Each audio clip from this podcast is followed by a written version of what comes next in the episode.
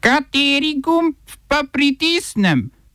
Tisti, na katerem piše OF.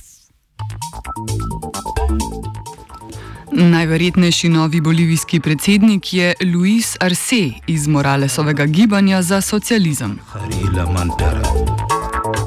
Izteka se 13-letni embargo na uvoz in izvoz orožja v Iranu.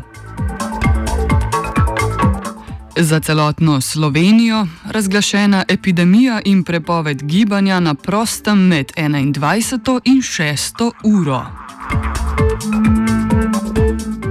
Trgovci vlagajo pobudo za ustavno presojo nedeljskega zaprtja trgovin.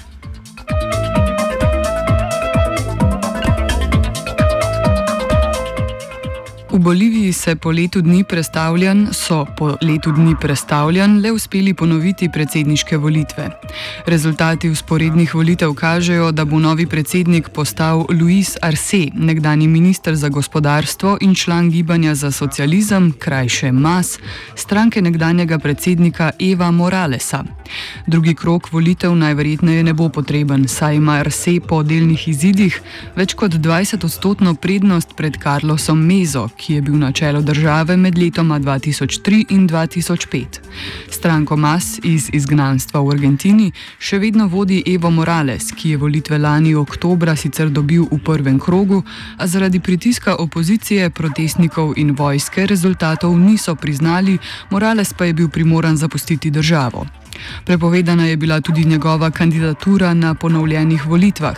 V tem času je državo začasno vodila Žanin Anjes, ki se je kandidaturi odpovedala, da bi se glasovi desnega pola združili z enim kandidatom. Hkrati so v Boliviji potekale tudi parlamentarne volitve.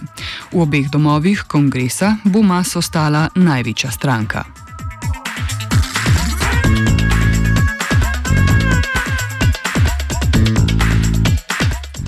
Predsedniške volitve so potekale tudi v Turški republiki Severni Cipr, ki jo kot samostojno državo priznava samo Turčija. Slavil je konzervativni Ersin Tatar, ki je premagal dosedanjega predsednika Mustafo Akinčija. Tatar je imel javno podporo tudi strani turškega predsednika Erdoana, rezultat pa ne prinaša optimizma tistim mednarodnim akterjem, ki se zauzemajo za združitev obeh delov Cipra in manjši vpliv Turčije na severni del Cipra. Več v današnjem offsajdu ob petih.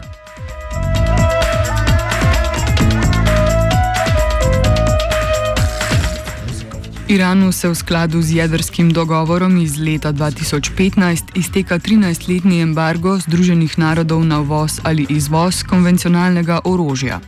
Od tega dogovora so pred dvema letoma pod Trumpovo vlado enostransko odstopile Združene države Amerike in Iranu naprtile dodatne sankcije.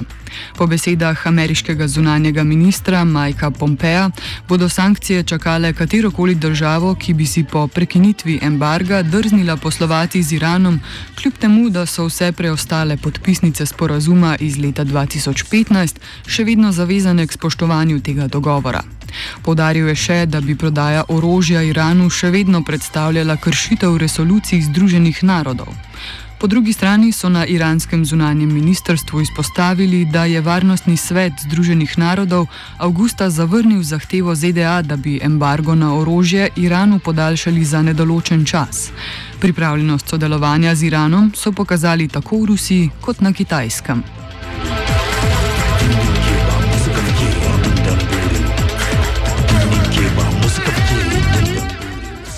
Slovenija ni edina država, ki bo v letu pandemije okrepila investicije v vojaško opremo.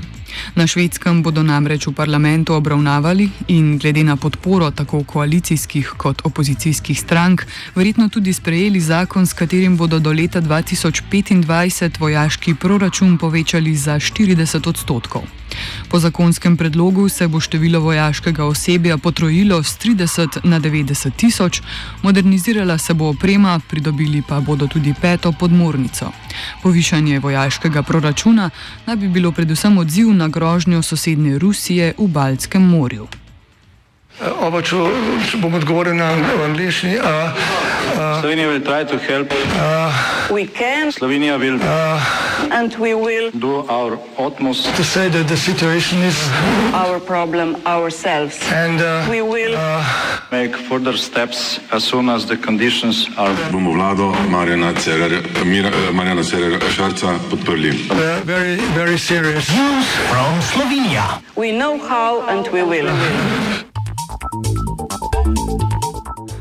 Po sestanku s strokovno skupino je predsednik vlade Janez Janša s tweetom sporočil, da se z današnjim dnem za naslednjih 30 dni za celotno Slovenijo razglaša epidemija.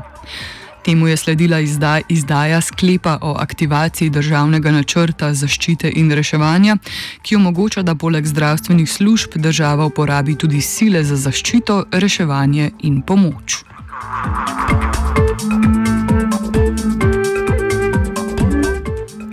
Na današnji tiskovni konferenci so vladni predstavniki oznanili naslednje ukrepe za zajezitev širjenja virusa. Med njimi je najbolj radikalna prepoved gibanja na prostem, ki bo veljala med 21. in 6. uro. Vlada je odločitev sprejela zaradi informacij, da naj bi se okužbe v zadnjih tednih najbolj širile na zasebnih druženjih v nočnem času. Ukolikor se prepoved sliši kot policijska ura, Naj vas pomirimo. Kot je razložil notranji minister Aleš Hojs, da ker pravno podlago postavlja zakon o nalezljivih boleznih, temu ne moremo reči policijska ura, pač pa zgor omejitev gibanja. Lindon. Nepolicijska ura bo veljala tudi v preostalih oranžnih regijah, ki so v zadnjih nekaj dni še imele nekaj več svoboščin. Z razglasitvijo epidemije so tudi tam sedaj popolnoma prepovedani kakršnikoli zbiranja, shodi, poroke, verski obredi ter prehajanje regijskih mej. Če uporabimo stil vladnega govorca, sedaj iz Kopra več ne morete na obisk prijatelju v Ljubljano. Med izjeme pri prehajanju regij prav tako več ne spada koriščenje določanje rezervacij turističnih namestitev.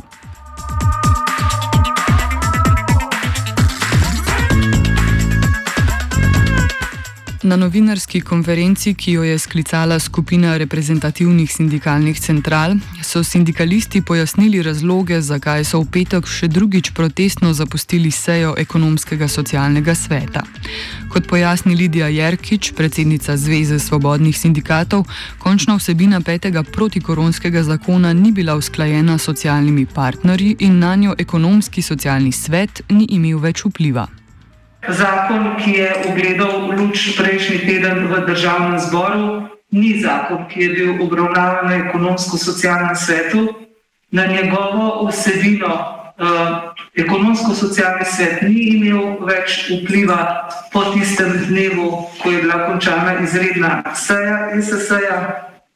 In uh, že usklajene spremembe so se tekom zakonodajnega postopka spreminjale, dodajale so se nove, in sama osebina na koncu prav gotovo ni bila tisto, kar je uh, bila intenca uh, prvotnega zakona. Predstavniki sindikatov so na konferenci izrazili svoje nezadovoljstvo s socialnim dialogom v državi. V oči bode nepripravljenost vlade, da bi se držala rešitev in členov, ki so jih predhodno izpogajali, ali nepripravljenost pristojnih ministrov, da bi spremembe sploh argumentirali. Opozarjajo tudi, da ni prišlo do nobenega usklajevanja glede predloga zakona o demografskem skladu. Trgovinski zbornici Slovenije so se odločili, da bodo vložili pobudo za ustavno presojo novele zakona o trgovini, ki ponovem prepoveduje obratovanje trgovin ob nedeljah in dela prostih dneh. Po besedah predsednice trgovinske zbornice Mariče Lah naj bi promet po njihovih ocenah upadel vsaj za 10 odstotkov, s tem pa ustrajajo pri oceni, da, je, da bi zaradi nedeljskega zaprtja lahko delo izgubilo do 12 tisoč zaposlenih. Spomnimo da trgovski sindikati sicer redno opozarjajo, da zaposlenih v trgovini že tako ali tako primankuje.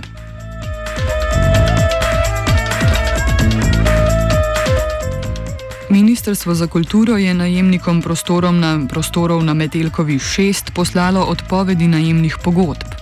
Na tem naslovu ima prostore več nevladnih organizacij, med drugim Pravno-informacijski center, Mirovni inštitut in Zavod Maska. Govori Goran Forbici, direktor krovne mreže slovenskih nevladnih organizacij CNVOS. Ministrstvo za kulturo je odpovedalo najemno pogodbo vsem najemnikom na Metelkovi 6. Eh, to je stavba, v kateri eh, so večinoma nevladne organizacije, med njimi tudi Mirovni inštitut in Zavod Maska, eh, dve od nevladnih organizacij, ki sta nenehno trdno upeti tako Ministrstvo za kulturo kot Janez Ojanši in njegovi SDS. OF je pripravil Jure.